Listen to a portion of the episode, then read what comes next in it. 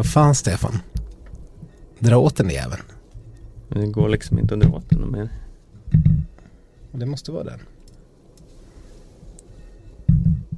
Det känns som att, ska den hänga så här löst? Allt sitter löst.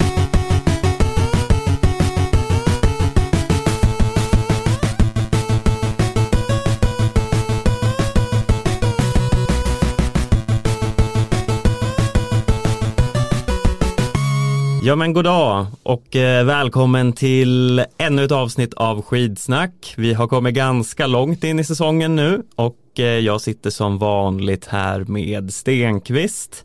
Välkommen. Tack så mycket. Och dagen till ära har vi även med oss Sportbladets Anna Rydén. Välkommen till Skidsnack. Tack så mycket. Hur känns det att begå skidsnacksdebut? Ja, lite svettigare än vad det brukar vara att bevaka världscupen, det måste jag säga. Det Ja. brukar ju vara lite kyligare. Här inne är det något varmare. Ja, Va- Det är inte Rucka här inne. Nej. Nej. Nej, om 20-25 minuter då blir det liksom en ännu mer instängt och muskig doft. Så att det, det är bara att se fram emot det.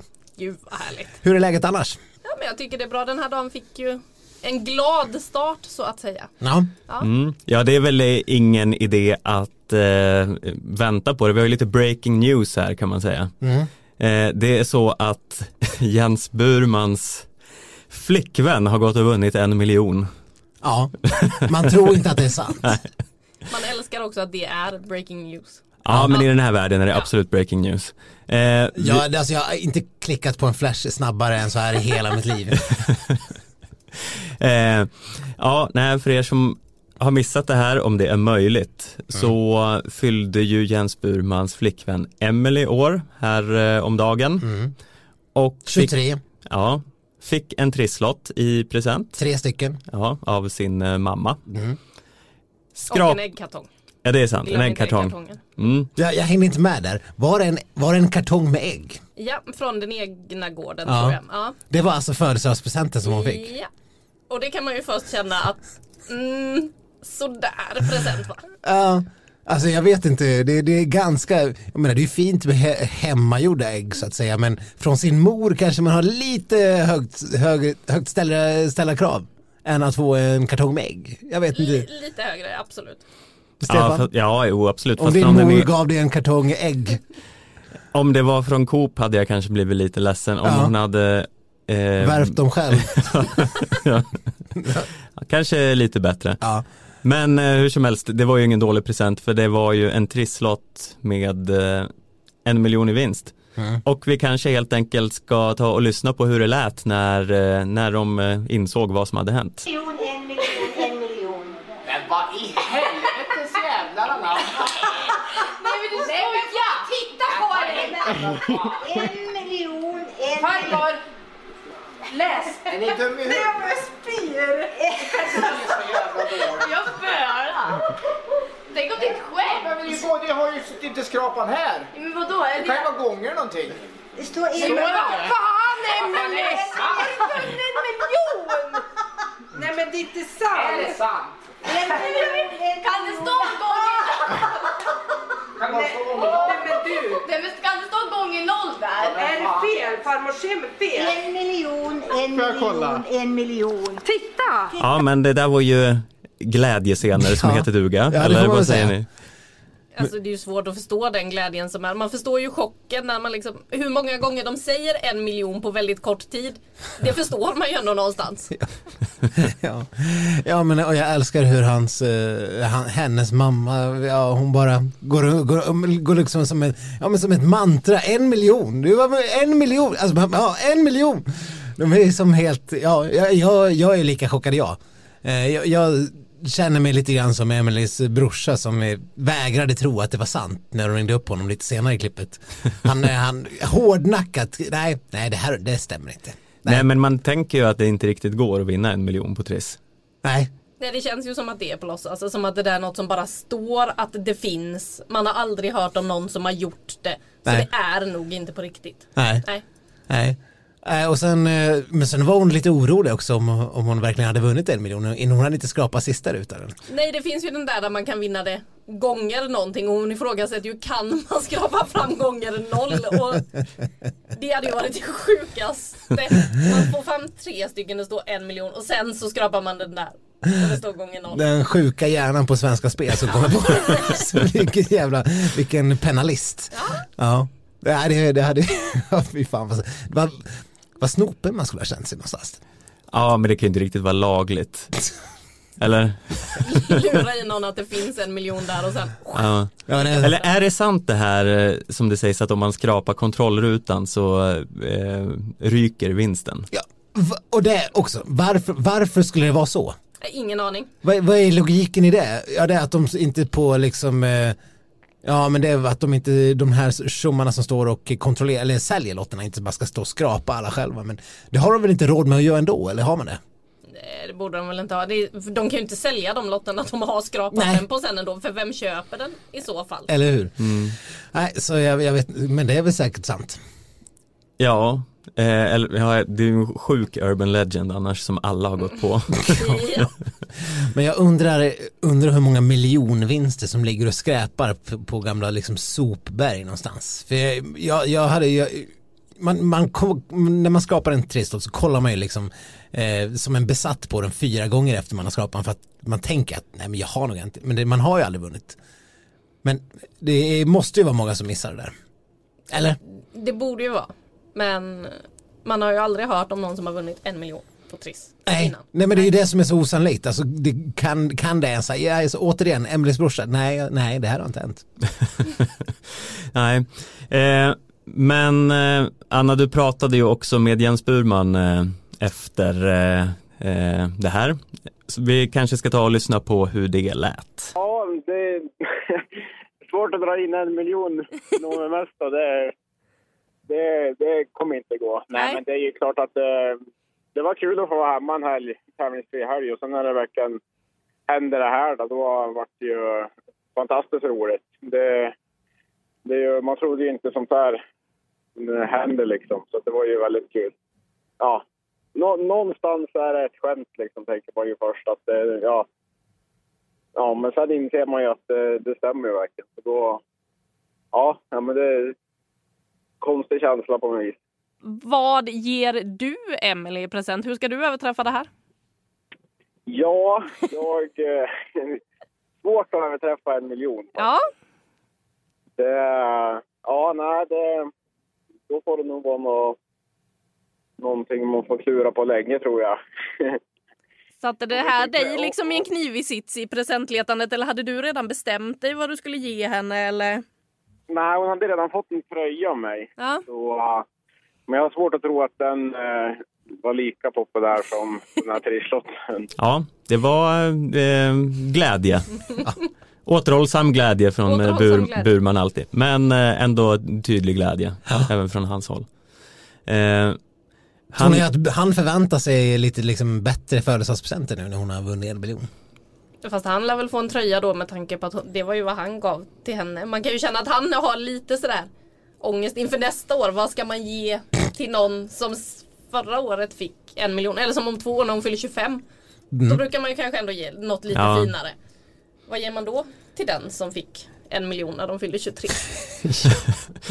Vilka- jag, jag undrar också lite, vem är nu rikast av dem egentligen? För Burman har väl inte dragit in sådär supermycket prispengar eh, under sin skidkarriär ändå. Nej, det kan man inte tro. Inte så att han har liksom flera miljoner på kontot sådär direkt. Nej det känns ju inte så. Jag frågade honom också om han nu då skulle upprepa i helgen när de, för han ska ju köra i helgen nu. Nu fick han ju vara ledig för att det var sprinthelg och var hemma då när den här miljonvinsten skrapades fram. Om han skulle dra in lika mycket pengar i helgen som hans tjej gjorde. Ja. Helgen som var.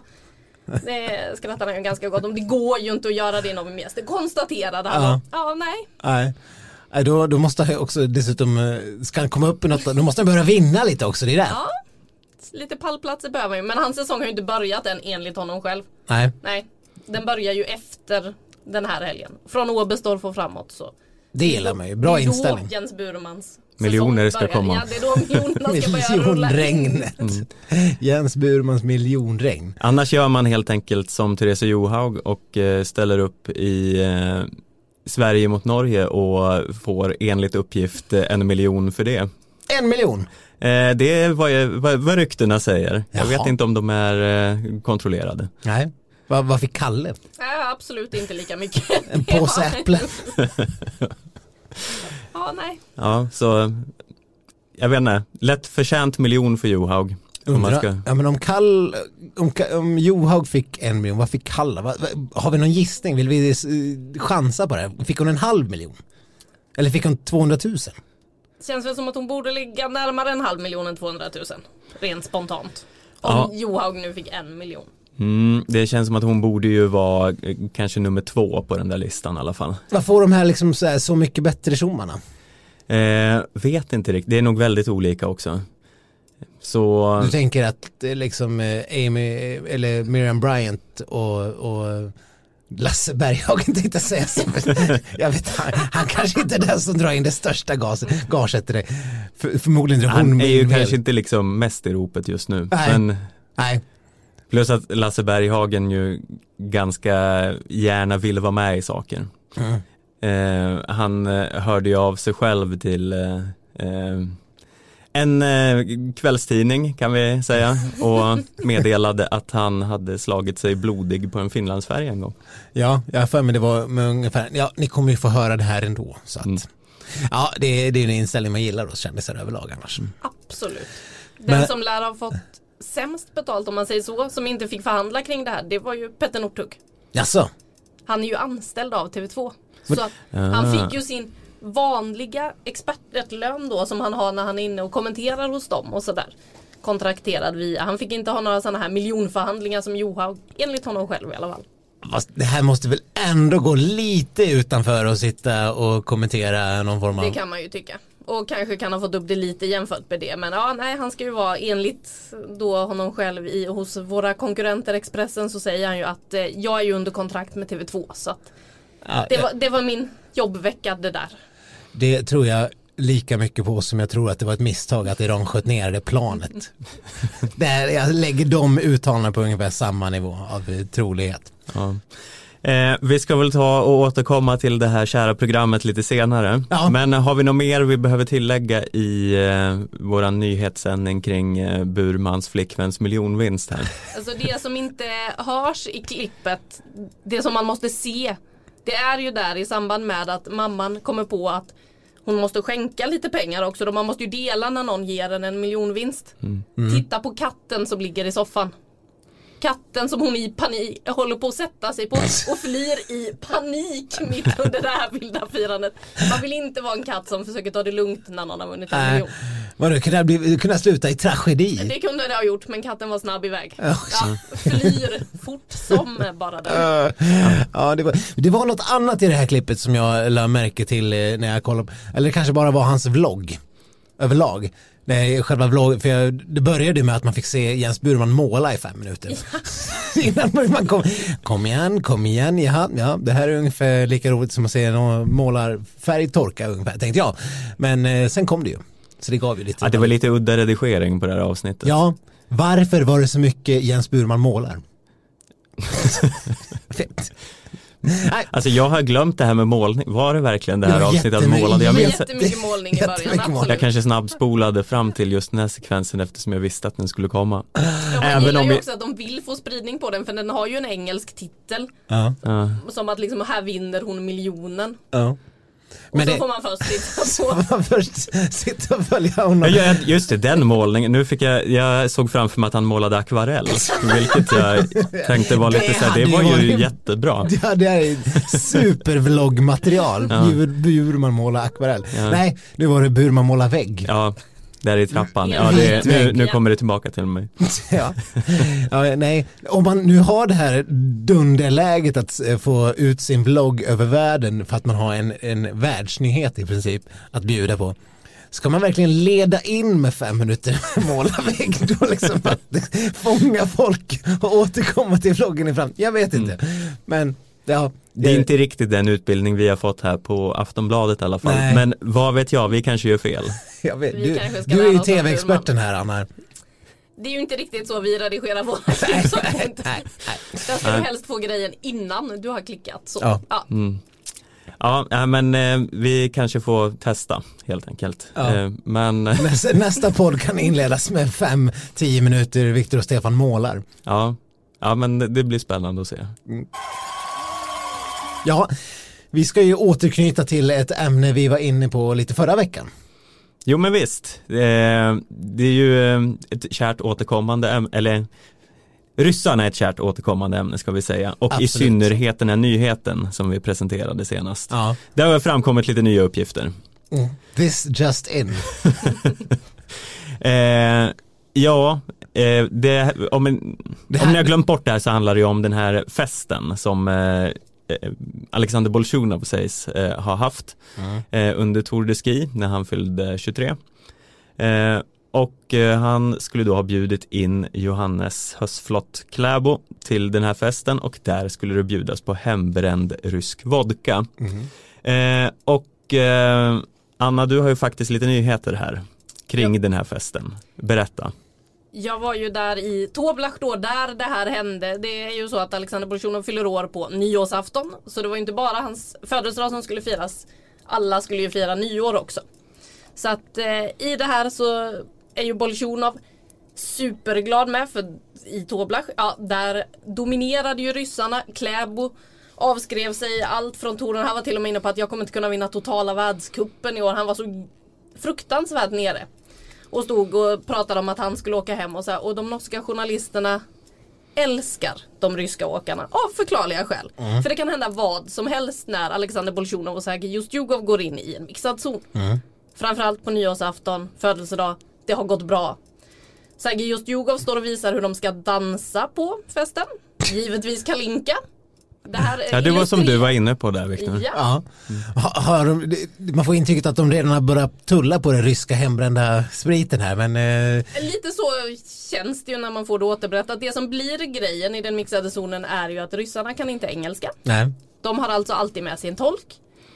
De blir ganska trötta på att stå och lyssna på den där tolken som översätter till engelska hela tiden. Så att när tolken pratar engelska då gör de ofta något annat. Till exempel dansa kalinka alla just Djurgården. Bolsjunov kliver då in och eh, så får de ju frågan, de börjar väl prata, jag har för mig att de norska journalisterna är lite inne på så här. Ja nej men Johannes Hösflot Kläbo säger att han inte kan vinna nu och där, där, där han är så ledsen. Och då börjar ju Bolsjunov med att ja, men han får ju komma och fira med oss ikväll. Vi har vodka, den är hemgjord. Och enligt tolken då så är det Alexander Bolsjunovs pappa Nej. som har gjort den här vodkan. Så det är han som ligger bakom vodkan som de har med sig. Bolsjunov säger att han ska inte dricka av den men han bjuder gärna Kläbo på den. Aha. Ja. Men det här är ju fantastiskt. Här får, vi spekulerade ju fritt om var den här spriten egentligen kom ifrån förra veckan. Nu har vi svaret. Ja, det kunde man aldrig tro. Ja, och den var tydligen då också med på Ski. Ja. Ja, för det tar man ju med sig. Man behöver ju vara redo, Exakt. tydligen. Ja. Jaha, och sen, vad hände sen? Ja, sen blev det ju ett nytt år, en ny dag. Vi vet ju alla hur det där loppet gick när Kalle Halvarsson helt mirakulöst hängde på Bolsjunov och just Djurgård i början och sen försvann en stund. Sen gick det ju ändå hyfsat för Kalle som faktiskt kom tillbaka. Men det var ju Bolsjunov och just Djurgård som stal all show där och eh, i den mixade zonen efter så Bolsjunov vann där igen. Bolsjunov vann där igen. Glad i mixade zonen. Och får ju såklart frågan från de norska journalisterna. Vi kanske ska lyssna på hur det lät när eh, de norska journalisterna då ska ta reda på om Johannes Hösflot Kläbo kom på den här festen eller inte. Did you have any guests for the uh?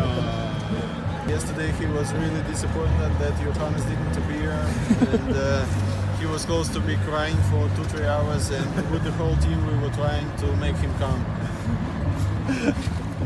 Ja. Ja, det var braskande uppgifter. Ja, för om ni inte hör det där så eh, förklarar ju då, det är ju tolken man hör prata engelska här som säger att eh, nej det var eh, Johannes kom inte till den här festen och Bolsjunov berättar att han har gråtit i två till tre timmar Ja, efter, efter att ha fått fira födelsedag helt på egen hand då. Eller Utan åtminstone utan, ja och precis, utan Kläbo. utan Kläbo och utan Trissdotter. Ja, tråkigt av Kläbo. Ja, mycket tråkigt. Man undrar ju också, för jag frågade Bolsjunov eh, hur de skulle fira på nyårsafton då. Då sa han ju bara att alla kommer höra oss. Jag hörde inte dem i Toplach men eh, det var säkert ett bra firande från Ja. ryssarnas håll. Och Norge de satt väl på det där gemensamma hotellet som de hade med Sverige och firade med brunost och en kak favoritskiva eller vad det var. Johan sa att de skulle fira med. Så att det lät inte så glamoröst det norska firandet. Nej, det har man ju också sett, nu ska vi som sagt återkomma till det sen, men Johaug verkar ju älska brunost. Det kan man säga. Mm. Hon pratar inte om annat. Får hon välja själv vad hon ska äta så är det brunost. Ja. Vi borde också följa upp någon här från förra året, när var det inte Stina som vann så jävla mycket ost hela tiden? Eh, De fick ju jo, konka runt på gigantiska ostar efter varje världscupseger någonstans. jo Så men de har de ju, har de ju med sig hela tiden. de har, ju- eh, FIS brukar ju lägga upp en eh, sammanställning av ostligan på sin Instagram. Eh, vem som har mest ost. Ja. Och det är ju Kläbo som leder ostkuppen. I än så år. länge. Ja.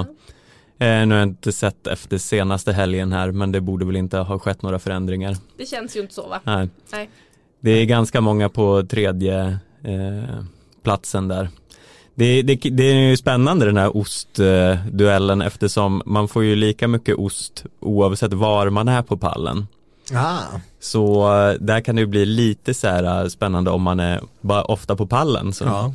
det här All kanske är en kupp att titta på. Ostkupp. Det är den vi ska börja fokusera på istället. Ja. Ja. Ja, Men det här med alltså ryssarna i mixade zonen känner jag att jag får en lite helt ny eh, bild av dem för det, det här kommer ju inte riktigt ut. De ser ju Nej. inte så spexiga ut direkt.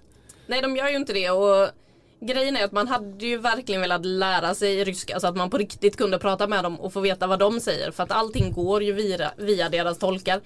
Ibland känns det som att eh, tolkarna översätter lite så som de vill och ibland så får man svar på frågan direkt från tolken för att. Bolsjunov eller just Jugov har svarat på det någonstans innan sådär så att tolken vet ju ändå redan vad de ska svara. Och så står då Bolsjunov eller just Jugov som frågetecken vid sidan om eller som i Toblach då när du under den här intervjun samtidigt lyfter en helikopter en bit bort. Och Bolsjunov får för sig att han ska låtsas att det är hans helikopter. Så han börjar springa efter helikoptern samtidigt som tolken fortfarande står och översätter hur besviken han var runt Kläbo och allt där. Då springer Bolsjunov en sväng och sen kommer han tillbaka. Bolsjunov, en riktig spexare alltså. Ja, han kan göra lite vad som helst. Ja. Han gillar att synas och höras och så trivs han ju då bland norrmännen där som gärna vill prata med honom, som uppskattar honom, som skrattar åt honom, med honom och kanske inte alltid riktigt förstår vad han säger. Sen så är det ju så att de ibland helt plötsligt kan lite engelska. Ja. Ja, det var en annan sak jag tänkte komma in på för att vi har ju pratat om det också i podden, funderat hur lite engelska de egentligen kan för att det, ibland, det kanske bara går på rygg men ibland är det så här, ja okej, congratulations och sen kollar de på tolken som ska översätta congratulations och sen, och sen kommer svaret tack och sen kommer, det blir liksom världens styltigaste lilla, Ja.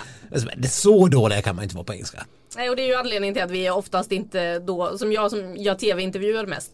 Eh, det är ju därför jag sällan intervjuar dem för att det tar så lång tid Ja. att komma fram till svaren. Och sen så måste man då eventuellt sitta och texta Mm. det som har översatts från ryska till engelska på svenska. Och så vet man inte riktigt när de sa vad. Man hör inte att de säger namnen även om tolken säger ja, så.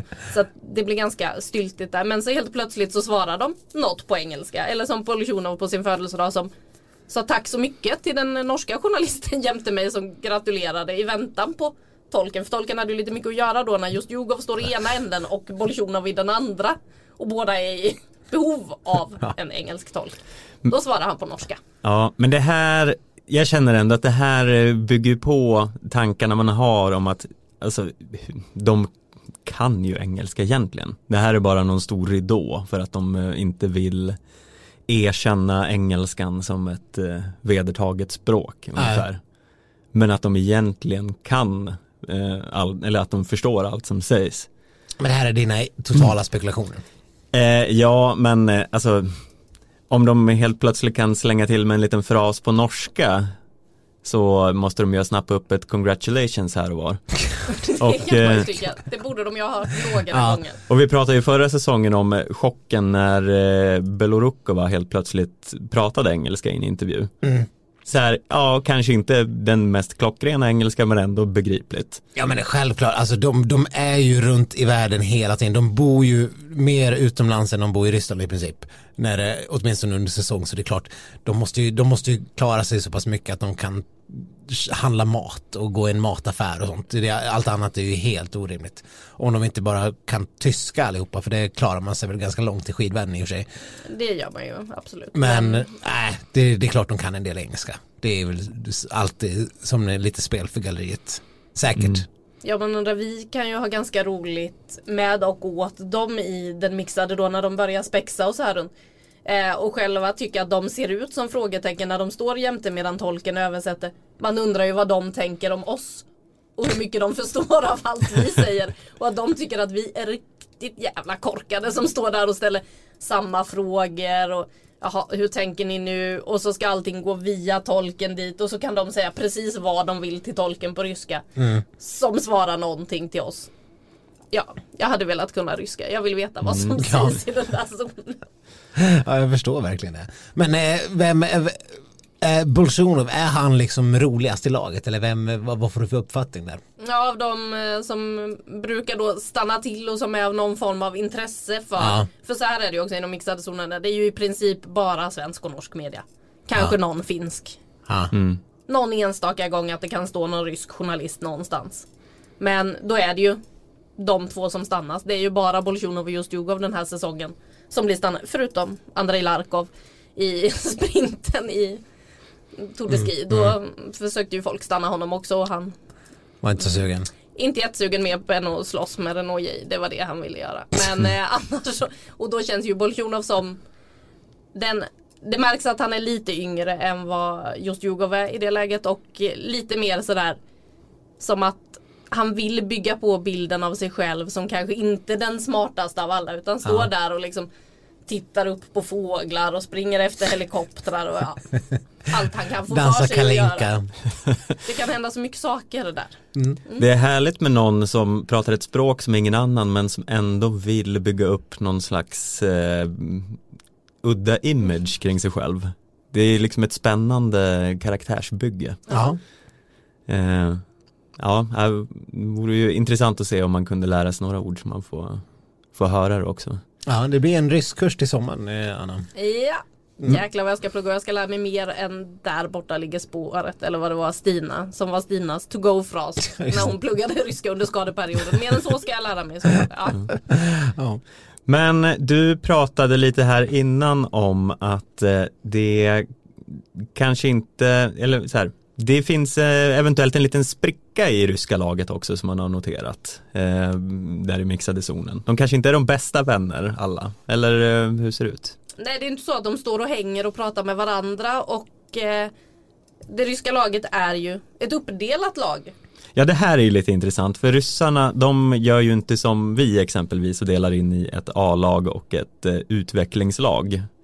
De har liksom bara två helt eh, ja, upp, eh, de har delat upp laget i två. Ja, Eller tre kanske det är till och med. träningsgrupper, Eller, Ja. ja. eller om det till och med är tre grupper. Där den man pratar med oftast i kring det ryska laget det är ju den tyske tränaren eh, Markus Kramer som är tränare då för Sergej Justjugovs träningsgrupp. Också en citatmaskin av rang får man säga. Det får man säga, vilket gör att man ofta och gärna pratar med Markus Kramer. Man vet att man kommer gå därifrån med någonting man kan göra Ja. någonting av. Rubrikvänligt. Lite så. Ja. Och Men- han är ju då tränare för just Djurgård. Så han pratar ju gärna om just Djurgård. Efter eh, backen, alltid kemis när de hade tagit sig upp där vi har både just Djurgård och Bolsjunov på pallen.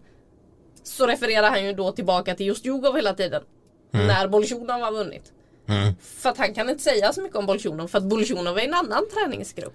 Men var, var det därför det spreds den här myten? För jag som kollar på SVT, så där spekulerar de ju, eller var det, ja jag tror det var där, att eh, det ryska laget skulle åka för att Ostjugov skulle vinna hela eh, Tour de Ski. Att alla, man skulle bädda för Ostjugov. Så jag, och jag vet inte om det var något som eh, SVTs kommentatorer sa, men det kanske bara låter så eftersom den enda informationskanalen utåt är den Marcus Kramer någonstans. Det kan ju vara så och han pratar ju gärna med media. Ja. Ja, så det kan ju mycket väl vara så. Och så de då i just Djugovs gäng gick säkert för att hjälpa just Djugov hela vägen upp. Sen, Jag har inte stenkoll på vilka som är i vilka träningsgrupper där och hur allt det där fungerar men just just Jugov och Bolsjunov det är ju inte så att de två står och skämtar med varandra i mixad zonen Även om de står precis intill varandra. Det kan man annars tycka att Men de två Medan är... tolkarna pratar engelska skulle de ju kunna stå och ha roligt på ryska. Det här är otroligt märkligt eh, och spännande hur de gör den här indelningen. För jag gissar, för det här har jag inte tänkt på tidigare, men i stafetterna kan ju ryssarna komma med väldigt märkliga uppställningar i Otroligt. lag 1 och 2. Ja. Är det då alltså de olika eh, träningsgrupperna det är baserat på? Skulle det kunna vara. Skulle mycket väl kunna vara. Ja, eh, och för där, nu har det ju gått ganska bra för Ryssland ändå, de har kunnat vara ett och tvåa, men man har ju förvånats varför vissa åkare inte är i samma lag där. Eh, och det måste ju finnas någon process bakom det här. Om, det, det kan ju inte vara liksom eh, östra och västra Ryssland. Ja, ja eller varför Södra inte? norra. Det skulle, ju- det skulle ju kunna vara, det var det första jag tänkte att det borde vara. Ja. Eller vad, vad vet man? De kanske har pratat på olika, det kanske är som eh, sätta upp, Bokstavsordning. ja men så här, skåningar mot norrlänningar liksom. Mm. Man vill inte hålla första halvåret, andra halvåret, Ja. längd. Ja. Det finns mycket man kan Ja. Verkligen. Men oavsett vad det nu är indelat efter så tycker jag att det är lite sjukt om inte Bolsjunov och Stjugov pratar med varann eh, Tro- För att de är olika grupper. Ja, precis. Nej, det vore lite snarstucket om det bara var därför, om det finns sån hård konkurrens mellan grupperna. Nej, det måste, det måste finnas eh, en För de är ändå liksom de två stora fixstjärnorna i Ryssland ändå. Får man ju konstatera. Ja, och de måste ju ändå vara i situationer där de hänger ganska mycket tillsammans eh, i diverse presskonferenssammanhang och eh, mixade zoner och allting. Så att de inte pratar där ser jag ändå som ett tecken på någonting. Du, eh, Anna, det luktar som att du måste gå tillbaka till Marcus Kramer och reda ut det. Det känns som att jag har lite att göra. Det är ju ändå Ja. lite av säsongen kvar så att eh, de ska ju också till Sverige och Norge en ganska lång stund här med Falun och skitouren. Ja, Och... du hör. Det, här, det, här, det här ska vi reda ut. Ja, Gå till botten med ska vi detta. ta reda på.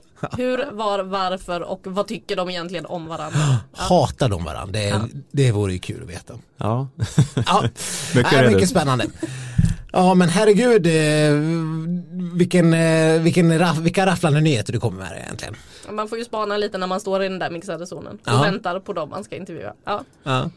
Och vi får väl se, nu historien förtäljer väl inte riktigt hur mycket sanning det låg i, i den här ryska festen men man vill ju gärna tro att de, eh, att de körde på rätt hårt. Man vill ju gärna det. Sen med tanke på hur bra de körde i spåret dagen efter så Ja, Bolsjunov kanske inte gick på ryss-sponken så jävla hårt ändå. Nej, det kanske blev efter toppen där sen när han hade kommit upp för Alptit Chermis. Ja, Ja, vi får väl se hur han står sig nu i Novi Miesto efter, om han nu kör där. Ingen aning. nej, nej det vet man aldrig. Nej, de ryska lagen vet jag inte riktigt hur de kommunicerar ut. Och när, det norska vet man ju när man får och Mm. det svenska vet man när man får. De, ryssarna, det märker man vilka som står på startlinjen. Ja, precis. Ja. nej men då har vi väl, vi har fått en rejäl insyn i eh, det ryska lägret, Ja, får man väl verkligen. säga. Och, eh, verkligen läge för uppföljning på detta. Eh, så jättestort tack Anna Rydén för att du ville komma och hänga med oss en stund. Tack själva.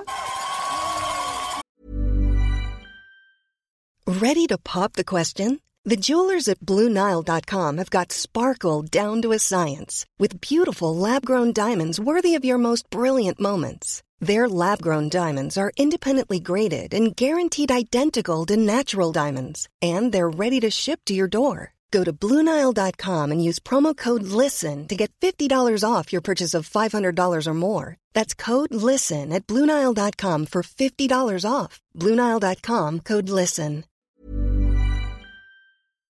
Ja, vi ska gå vidare här i programmet eh, och prata lite om skidor också. Ja, Eller det har vi gjort, fast kanske lite sidospår till skidor.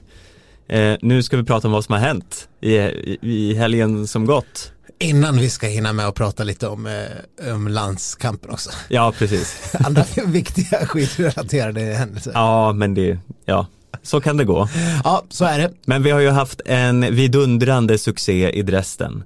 Vi var ju båda lite skeptiska till den här helgen, Ja. att peppen inte var total. Nej, Eh, sen gick det ju ganska bra, det brukar det ju göra för Sverige i Dresden. ja fast har det någonsin, okej det kanske någonsin hänt tidigare, men har det, det känns inte som det någonsin hänt att vi har varit på pallen i samtliga lopp under en världscuphelg. Nej, det måste man nog eh, se tillbaka väldigt långt i sådana fall. Det är bara att se tillbaka till hur länge sedan det var en svensk herre var på pallen överhuvudtaget. Jag tror de sa väl det på tvn. November 2018 någonting. Mm. Någonstans där. Och var det Kalle Halvarsson då antar jag? Ja, vem skulle det annars ha varit? Ja. det var väl så länge sedan att Johan Olsson kanske fortfarande höll på den Ja. nivån. Mm. Men eh, eh, ja, Ja, det var ju då såklart Johan Häggström som var på pallen både individuellt och i teamsprint. Och att om du frågat mig innan säsongen att, eh, Marcus Grate, pallplats eller inte den här vintern?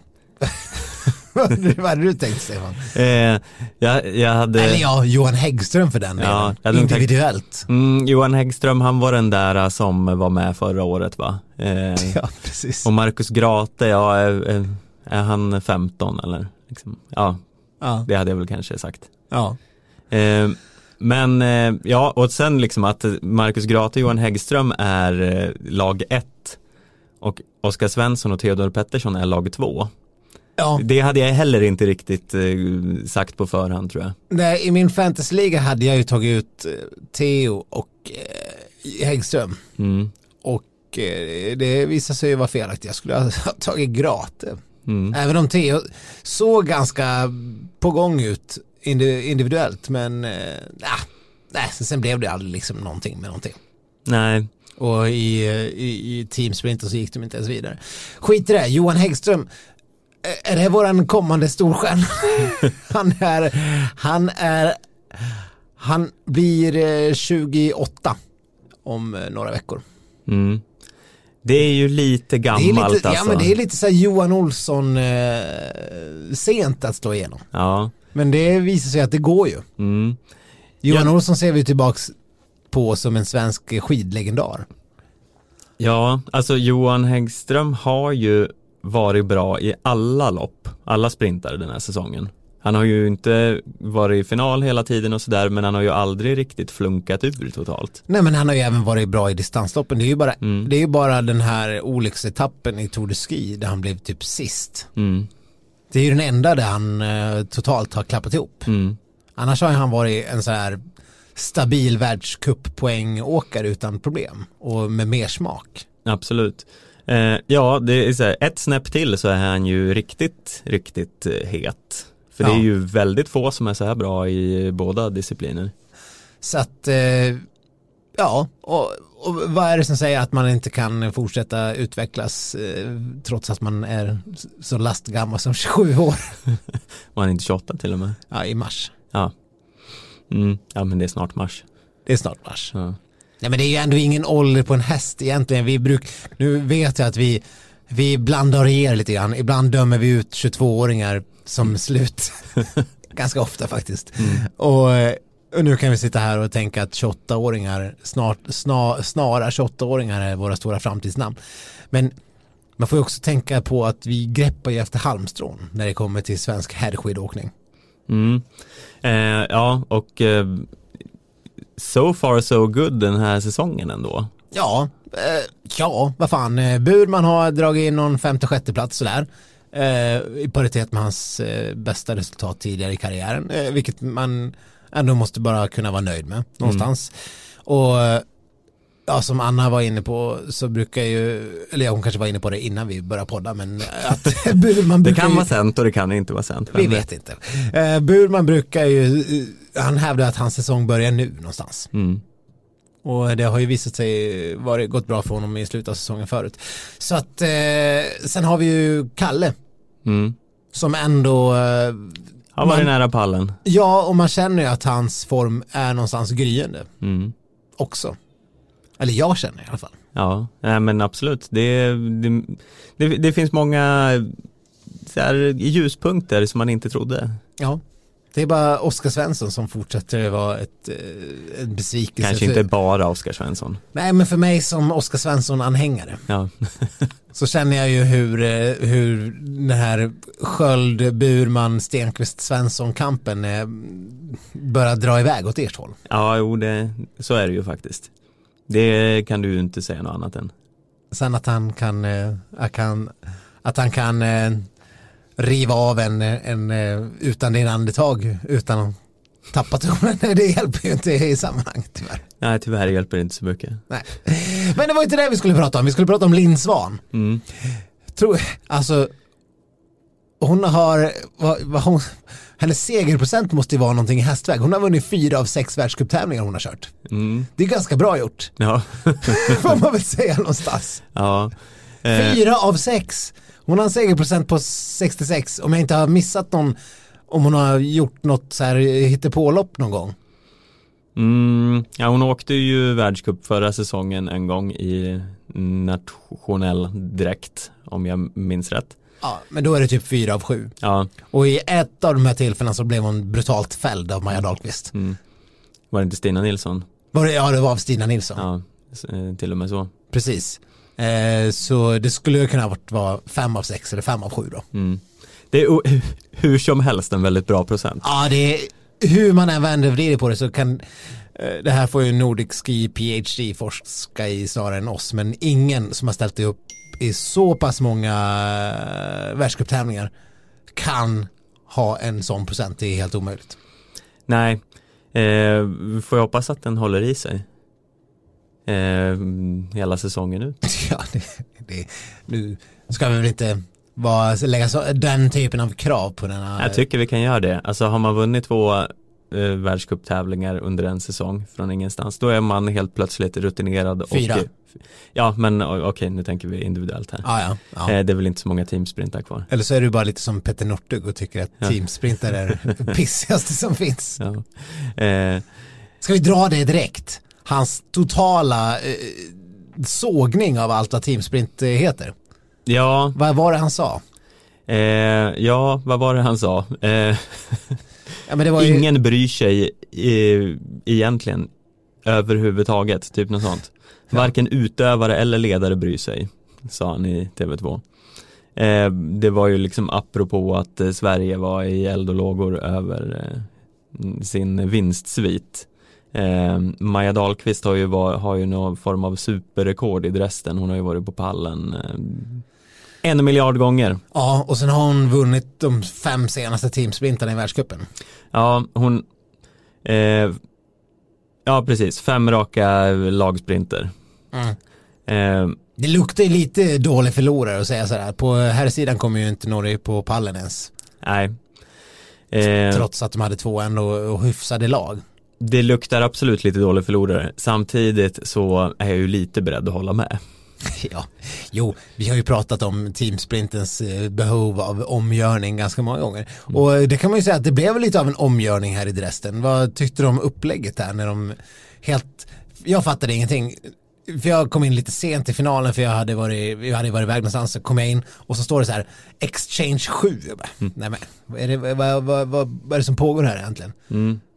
Och sen se- märker man ju ganska snabbt att jaha, de, de växlar efter varje. Mm. Så det var ju elva växlingar. Ja, nej men jag eh, kände precis likadant för jag fattade ingenting. När så här, åkte helt oberört på Och eftersom- sjätte sträckan och sen bara fortsatte och fortsatte det. Ja, och eftersom SVT fortsatt vägrar visa allt vad prologer heter så kunde man inte ha någon förförståelse i hur det skulle fungera. Ja, det kan ju hända att de hade sagt det innan.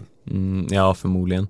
Men hallå, vi får ju tänka på oss som tunar in. Mm. Men de måste ju för övrigt göra om eh, semifinalerna i teamsprint. Det är ju helt orimligt att det går vidare två från ena hitet och sju från andra hela Ja. tiden. För det är ju, om lagen håller ihop och håller fart tillsammans så kommer det ju att bli så. Ja, jag vet inte om det var på dam här sidan men det var ju, det, Det var ju på bå- ja, båda egentligen. 30-40 sekunder mellan hiten. Sånt kan, ju, sånt kan ju avgöras bara av ett snabbt väderomslag dessutom eftersom hitjävlarna är ju 15 minuter långa. Ja. Ja. ja, nej det finns väldigt mycket att säga om detta. Eh, teamsprinten, jag tycker ju att det är fortfarande inte så att det är riktigt sprint. När de ska åka, nu vad var det nu, 1,2 kilometer var, det blir ju, det blir ju som en, det blir ju i princip som en eh, kortare stafettsträcka för damerna Mm. att köra. Och det, det är inte sprint riktigt. När de håller på och myskör och nu kan vi ju säga att det var i sex, fem sträckor så myskörde de lite grann. Mm. Var. Mm. Sen ska det dras på. Ja, det är, det är ju vad det är. Det är ju, det är ju inte, man vet ju att det är de sista sträckorna man behöver se. Precis. Jag menar en sprint, en vanlig sprint är ju mycket mer rafflande och underhållande att kolla på. Mm. När det liksom är kvartar och semifinaler och finaler och det är liksom fäller avgörande direkt. Nu blir det bara varv på varv på varv på varv. Mm. Och det var inte som att det, ja, ah, nej det behövs verkligen göras någonting och eh, när man ändå håller på att göra om så mixed kan de ju skjuta in direkt. Ja, det är ju kul att det blir en gång den här säsongen Ja. i alla fall. Ehm, så det kanske blir mer av det framöver om det slår väl ut. Sen är det ju tyvärr alldeles i slutet så får vi se om det är någon som orkar ställa upp i det Mm. överhuvudtaget. Men sen kan jag inte hålla med, även om vi tycker att det är, eh, finns en hel del att göra med själva upplägget så världscupvinst är ju en världscupvinst oavsett. Absolut. Eh, det kan ju ingen ta ifrån dem och eh, alla var ju, eller inte alla, men de allra flesta bra var ju med. Eh, så det är ju inte heller något att säga om. Sen hade jag ju liksom, om man går till de individuella loppen så jag eh, jag höll lite på Maja Dahlqvist i kampen mot Linn Svan där. Ja, Dala, Dalarna framför allt tänkte du på. Eh, kanske inte i synnerhet. Nej, Eh, mer av liksom den här eh, få tillbaka självförtroendet, vända den negativa trenden. ja men vad tror du, tror inte hon känner med sig att formen är liksom ändå bra nu? Jo, jo, och hon, hon hade ju kunnat vinna. Det var ju bara att hon eh, blev lite stängd. Stängd och stängd, jag vet inte, det känns ju inte riktigt som att Linn Svan kan förlora. Hon åker ju så jäkla säkert. Mm. Hon kan ju slå av på takten i kvartar och semifinaler och ändå bara glida in och vinna betryggande på något vis. Mm. Hon åker så jäkla självklart. Hon åker ju som, som en Stina Nilsson i bra form. Ja, Som bara gör det hon ska och sen vinner. Nu var det ju jäkligt rafflande på slutet i eh, sprintstafetten för att det såg ut som att eh, det var väl van de Graaf skulle plocka henne på upploppet. mm. Men det gjorde hon ju inte. Hon höll ju undan Ja. Linn. Ändå. Det, ja, med minsta möjliga marginal men ändå så höll hon undan. Det, det finns ju någonting där som är större än vad vi förstår ja. I hur bra hon är. Ja, det är ju smått obegripligt att eh, hon bara har klivit in och blivit så här extremt bra direkt. Ingen startsträcka. Nej, Det är, ja, nej, det är ju he helt jävla otroligt. jag menar, menar precis, hon, blev ju, hon var ju inte ens uttagen till första helgen trots att hon hade sett så extremt bra ut i Gällivare. Mm. Varför också det kom som en chock för väldigt många när hon klev in och vann i sin premiär. Mm. Det kom ju, kom ju som sagt inte som en chock för skidsaxlyssnare för vi hade ju flaggat för henne redan på förhand. men, men ändå. Mm. Ja, eh, man undrar ju hur bra hon, eh, hon är bara 20 år som sagt. Ja, hon kan ju bara bli sämre egentligen. Ja, hon har, ju på det viset satt, satt lite väl, eh, ja, hon har ju gjort någon form av Frida Karlsson, man får inte göra för bra eh, genomslag. Nej, Det kommer aldrig bli bättre. nej. Då har vi dömt ut både Linn och Frida Karlsson här i ett eh, litet snabbt svep. Ja, ska vi liksom stanna vid det när vi går vidare här? Det kommer aldrig bli bättre. Ja, men då, mina damer och herrar och alla däremellan, så har det blivit dags för Skidsnacks studiecirkel. Hit til Rådås har vi samlet de største og beste vinterheltene fra Sverige og Norge til tidenes fight. Ja. Hur, hur känner du om vår studiecirkel? Har den varit en succé hittills? Eh, ja, jag antar det. Vi kör den ju igen. Ja, Men det kanske också finns en anledning till att vi lägger den allra sist i podden. eh, eh, det skulle jag inte vilja säga. Jag tycker det här är ett strålande moment. Du tänker att det är som, eh, det är som när Burman lägger själva trisselskrapandet eh, längst längst bak. Ja. Lägger in först in fem minuter vid måla vägg. Ja. Eh, för er som är helt eh, borta nu så talar vi givetvis om eh, landskampen som inte heter landskampen för den heter Sverige mot Norge i Sverige. Ja, alltså herregud, den på TV4 s- återigen på eran reklamavdelning eller PR-avdelning. Ni genier som sitter och hittar på programnamn. Va? Det, det luktar pay race, lång väg. Ja.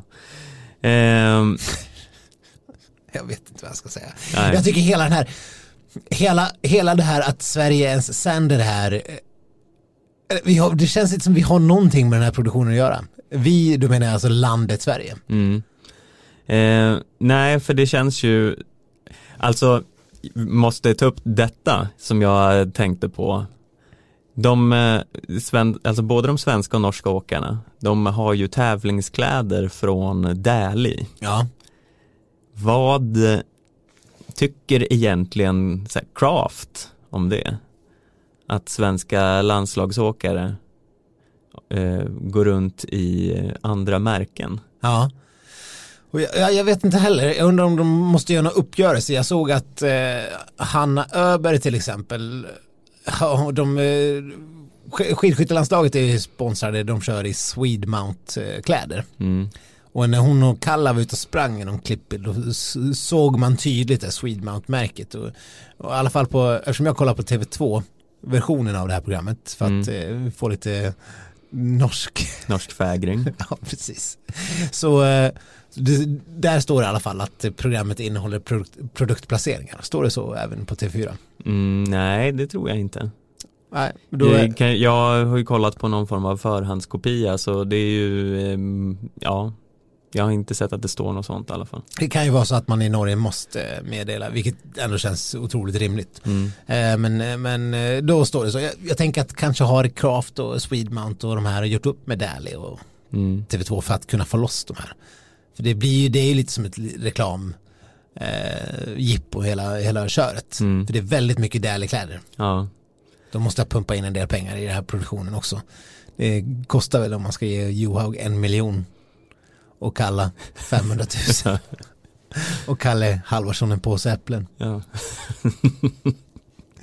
Och tänk vad ska då Hanna Öberg och Sebastian Samuelsson få? De har väl inga krav att komma med? nej, de kanske har fått betala för att vara där. Ja, precis. Det här är ett bra skyltfönster för oss. Ja.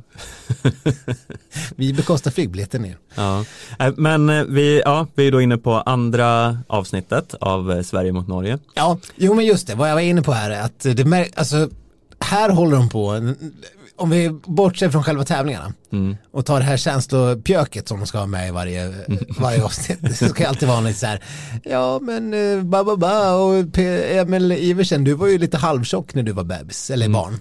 Mm. Ungefär, som verkar vara det de, eller halvtjock. Var det så det var? För jag förstod nämligen ingenting. Nej, det, det går var- ju nämligen inte att förstå vad Emil Iversen säger. Jag kräver textning på alla segment med honom. Eh, Det låter ju typ så här. Da satt jeg bare og lata som jeg kjørte, og der kunne jeg sitte i timevis. Jeg vil jo si at jeg er et levende bevis på at det egentlig håp for alle. da. Mer Det är liksom, det är för svårt. Ja men alltså, jag vet inte hur de gör på TV4, men på en TV2 så textar de ju. Eh, Till och- norska. Ja, det är ju kanske återigen så att jag ser en kopia utan. Så nu du säger att du kräver texting. Ja, Så- jag tar tillbaka det här uttalandet eh, eftersom jag inte vet om det de facto är så. Det är klart det är textat. Ja, eh, det, det skulle ju under, jag kanske måste kräva textad för, förhandskopia. Ja, men hur som helst. Det var helt obegripligt att, att förstå. Ja, men jag vet inte om han var tjock eller bara var dålig. Han hade blivit 230 i något lopp och, och, Mm. och han, var, han var en late bloomer sådär. Men det var ingenting om eh, vad han hade gjort eller vad han hade blivit sen. Det kanske kommer senare, de kanske sparar det. Men, men efter de har kört 10, 000, eh, 10 minuter känns det pjunk om eh, hur dålig Du Emily gillar verkligen inte känslopjunk nu. Jo, men om hur dålig Emil Iversen var som barn, Mm. som att det skulle vara något stort trauma för honom. Mm. Sen körde de en och en halv minut kalla vinner Tour de Ski. Mm. Eller 30 sekunder och så får Hanna Öberg säga att du var min stora idol. Jaha. Var det det vi fick? Mm. TV4 verkar inte ha liksom eh, varit involverade i själva upplägget på detta. För om det där var, för det är ju Charlotte Kallas eh, absoluta höjdpunkt i karriären i princip. Hennes stora genombrott, det som definierar hela hennes karriär. Mm. Visst, hon har ju vunnit massor med mästerskapsmedaljer. Vi kanske får se några sjuka stafettinsatser och sånt också sen, jag vet inte. Mm. Men tio minuter Emil Iversen är dålig som barn, en och en halv minut kalla vinner Tour de Ski. Jag kan inte riktigt köpa den, eh, den, eh, det upplägg, det prioriteringen. Nej. Eh, nej, Eller? det är lite konstigt. Och de, de är också lite så här, man fattar inte riktigt vad det är som ska komma. Det är helt plötsligt, ja men nu slår vi på tvn och kollar vad det är. Det är inget som bygger upp inför att man ska få se tio minuter av Emil Iversen vara tjock som barn. Nej, nej, Eh, då bara, oj, titta vad det var på tv. Det hade kunnat vara eh, en rerun av vänner också. ja. Eh, så jag vet inte, det är något som är, det är lite skumt i upplägget av den här produktionen. Ja men det är så, ja men det är som du säger, det är lite trött, det finns liksom ingen dramaturgi. Nej, Eh, det, det, är som att de, de har för lågt ställa krav på tittarna och sig själva. mm. Alltså TV2-tjommarna som har gjort det här. Eller det är väl något produktionsbolag förstås. Jag vet, men, men ändå, det är, nej, det är, jag är inte så superimponerad av själva, själva dramaturgiska eh, upplägget. Däremot är ju tävlingarna ganska roliga. Ja, jo absolut, tävlingarna är roliga. Det håller jag med om. Förutom en sak. Jag tycker det är lite så här, för i Mästarnas Mästare, då brukar de i alla fall utnyttja miljöerna lite grann oftast.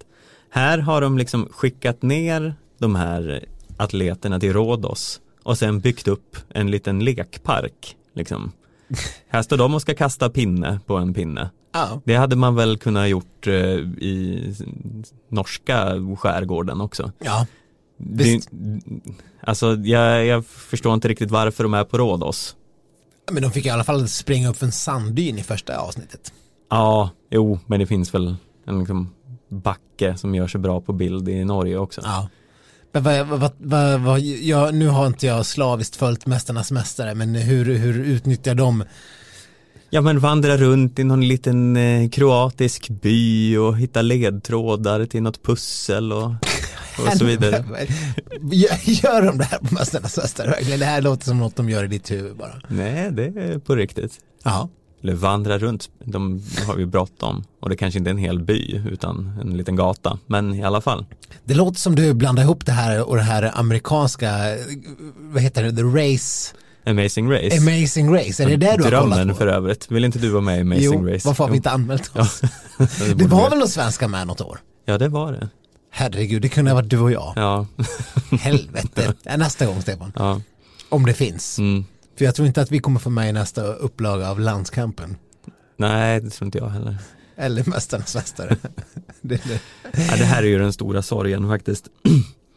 Det är en livssorg att man aldrig kommer få vara med i Mästarnas Mästare för det ser ju ungefär hur kul ut som helst. Ja, fast vadå, stå där och hänga på någon jävla pinne ute i havet och skämma ut sig för hela svenska folket. Ja, Men det är väl kul får man hänga i en pinne och tävla och sen får man åka till ett hus med pool och Och så äta kommer det någon middag. så här 65-årig orienterare och hänger i fyra minuter längre än vad du gör. ja. ja, det Är det du får väl vara så. Det kommer ju säkert vara någon e-sportare med som man slår i alla fall. ja, har vi inte hatat på, eh, på Man kan inte hata nog på dem. Nej. Så det är lugnt. Pewdiepie höll på att säga, men det är inte han. Eh, hiton. Hiton. Ja. Ja, herregud. Inget är förlåtet, inget är glömt. eh, Ja, det är inte därför vi är. Vad pratade vi om? Landskampen. ja. eh, Sverige gick ju och vann tävling nu i alla Ja, fall. och visst var det kul att eh, Hanna Öberg visade sig vara mycket bättre eh, på att leda folk ur en reptrassel än Petter Northug. Ja.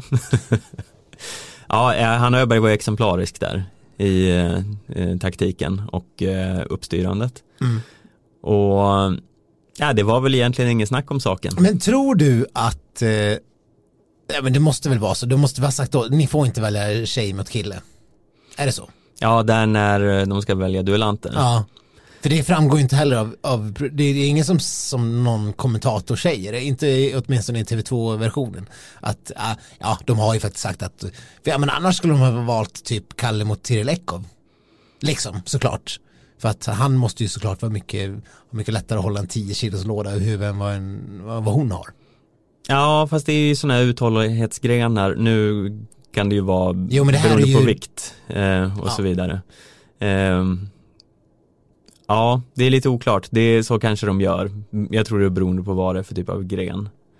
Men som förra veckan tror jag ju att eh, det hade inte spelat någon roll vem då de hade- valt nej, mot då inte- Nej, då hade det inte spelat någon roll. Nej. Men vid det här, ja i och för sig, om, om de skulle ha olika vikt på lådan. Mm. Däremot här så tror jag ju att produktionen har sagt, eh, ja ni får ju inte välja, det måste ju bli eh, eh, Kalle mot Petter.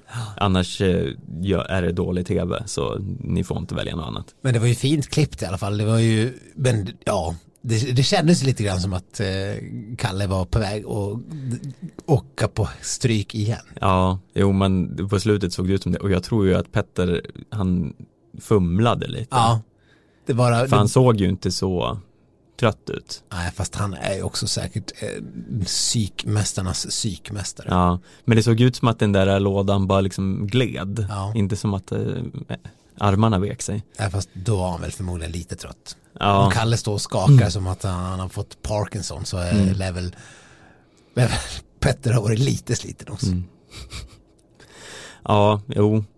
Hur som helst, det var ju eh, kul med en svensk seger. Det var kul med en svensk seger och det var ju eh, mest kul för vad som eh, komma skall här sen för det var ju en otrolig eh, slutscen. Alltså, kommer vi nu i, jag vet inte hur många avsnitt det här är, 10, 8, Eh, nio tror jag. 9, okej, weird. Men visst, okej, det får väl vara 9 då. Men, eh, men bestäm mig för något, man kan väl inte ha, å- man kan väl inte ha 9, man får väl ha 8 eller 10. Vadå? Vad pratar, jag trodde du pratade om vilket avsnitt vi är på. Nej, jag menar i, i hur många landskampen avsnitt det kommer vara. ja ja okej, ja det var ju mer logiskt att du frågade om det. Hur många vi är på, vad har det med någonting att göra? Ja, jag vet inte. Nej, Eh, grejen ut på ja, Stefan. Mm, Men det, är, ja, men det är 8 eller 10, eller någonstans där. något sånt. Om, det, om de är riktigt sjuka Eller huvudet så nio. är det nio. Nej, vi- så, så illa ska det inte behöva vara. Mm. Men ska vi då i typ åtta avsnitt till sitta och höra när någon stackars eh, icke-skådespelare ska sitta och berätta om hur de har valt. Den här gången fick Sebastian Samuelsson bita i sura äpplet och var den som skulle berätta om vilket straff och hur man har tänkt och eller liksom så här. Nu ska jag, vi fick ju lov att det, ja, men det är lite cringe-varning när de ska behöva göra det där. Ja, När man förstår att de har ju ingenting med det här straffet att göra. Det är Nej. inte som att eh, Kalle och, och Hanna och Charlotte och, och Sebastian har suttit på kvällen och bara Åh, nu- cool, nu, vad ska vi hitta på? för- elchock, Ja, servera med el- elchock. ja. Samtidigt som de bygger en IKEA-möbel. Ska gud vi vad smart, det är ju lite Finns det svenskt. ett så här. IKEA-varuhus här i närheten? Nej, det är uppenbarligen inte de som man ihåg där. Nej, men jag tycker i det här fallet spelar det ingen roll för det var ju väldigt roligt. Ja. Eller det var väldigt roligt att se psykologin i det hela. Vilka det var som var ena riktiga jävlar och Ja. vilka det var som var mm, fega. Men jag får säga att jag är lite besviken på Charlotte Kalla. Jag är otroligt besviken på Charlotte För er som inte har sett det här underbara programmet så fick ju då eh, norska laget bygga ihop en IKEA-möbel. Eh, Alltså det var en liten pall, En så det liten var ju pall. ingen svår möbel. nej, det, var, ju- det tog ju några minuter. Mm. Men de utrustades även med en form av elchockband Mm. som eh, motståndarna fick varsin kontroll. Så de skulle sitta och ge dem en liten elektrisk stöt Mm. som såg ut att eh, vara ganska obehaglig. Mm. Vi kan väl, ska vi lyssna på hur det lät? Eh, detta är när, det här är väl hela programmets höjdpunkt. Ja, eh, hör och njut. Ja, alltså det, jag, jag måste säga direkt. Har vi hört det här förut? Ja, Ja, det har ja, vi. det, det har vi. vi ska vi lyssna Vi lyssnar hur det på det lät också. förut? Helt jävlig. Nej. Nej. Seriøst? Ja. Hæ? 18 måneder? Ja. Nei! Nej, nej, nej. Vad ska hända? Nei, jeg blir 18 måneder.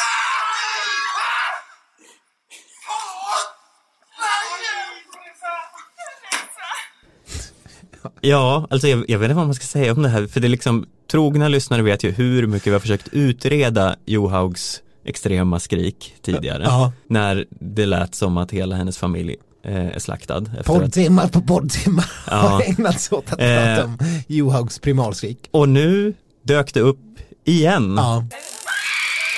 när hon får en elchock. Magi. Mm. Men nu är det lite mer, eller, eller mer berättigat, men det är ju... Det är mer berättigat, men fortfarande, jag tror inte att jag har det i mig att frammana ett sånt här skrik.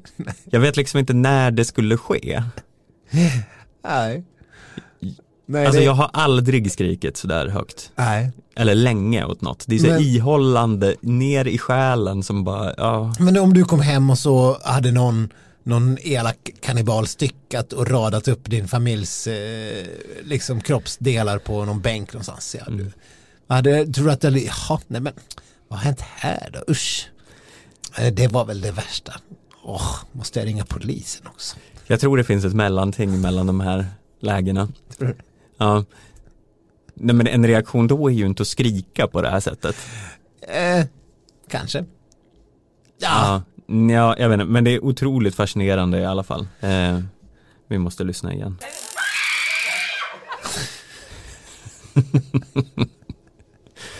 Ja. Ja, eh, Ja, och sen eh, min sambo poängterade att det såg ut som att Johaugs ögon gick i kors under själva liksom jag, jag försökte liksom freeze-framea fram bilden när ögonen står i kors. mm. Lyckades kanske inte riktigt men ja, de står typ i kors. Det är som att hon är besatt. Hon ser ju helt bedrövlig Ja. ut när hon skriker. Ja, men om man då ska, ska sätta sig i Charlotte Kallas skor. Ja. Man har fått makten att elchocka sin största konkurrent under två minuter. Ja. Och så sen tar man inte tillfället i akt. Man gör det bara två gånger tror jag. Ja. Om det hade skett fler gånger hade man ju fått höra det. Ja men det var ju förmodligen vad produktionen fick ju vara framme och typ tvinga henne att trycka på knappen. Ja, det, det kanske inte ens var hon som tryck. De skulle bara gett hennes kontroll till Kalle eller någonting. Ja, Han ja för Kalle var ju grym. Han, eh, han eh, levererade ju här. Han hade inga som helst problem att Nej. ge Petter Northug stöd. Nej, han bara tröck och tröck och tröck och sen eh, såg man hur glad han var medan han gjorde det. Ja, och, och Anna Öberg, hon var så glad. Hon bara skrattade och skrattade. Som värsta sociopaten. Hon, alltså hon skrattade som en Bondskurk. Det var det sjukaste jag sett. Ja, hon, är, hon är en fullblodsgalning, Ja. Hanna Öberg. Mm. Så, ja, där kan vi snacka om, om, eh, eh, om att vara en, eh, ja det här ordet som jag nämnde tidigare i podden, penalist. Mm. ja, Det trodde jag inte om Hanna Öberg, men man lär sig något nytt varje dag. ja. Hon älskar att se andra eh, lida.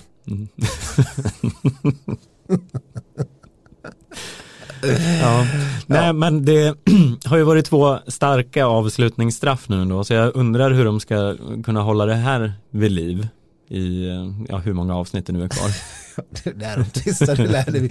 Vi märker väl, kommer vi ens hinna podda färdigt, eh, ha poddsäsongen, vi får hålla poddsäsongen igång så länge det här, eh, det här visas på tv. Mm, det verkar så. Verkar så. Men apropå det så ska väl den här poddavsnittet ta och rundas av. Mm, det börjar väl bli dags. Och eh, vi har ju eh, säkert fått några eh, nya lyssnare som eh, om ni inte redan gör det så får ni gärna gå in och prenumerera på oss eh, i vilken podcast-app ni nu använder. Och så kan ni följa oss på Instagram och Facebook på skidsnack. Ni kan mejla oss på skidsnack aftonbladet.se om ni vill komma i kontakt med oss. Gör jättegärna det, vi älskar att få mejl. Mm. Och eh, sen eh, så hörs vi helt enkelt igen nästa vecka. Mm. Hej då! Hej då!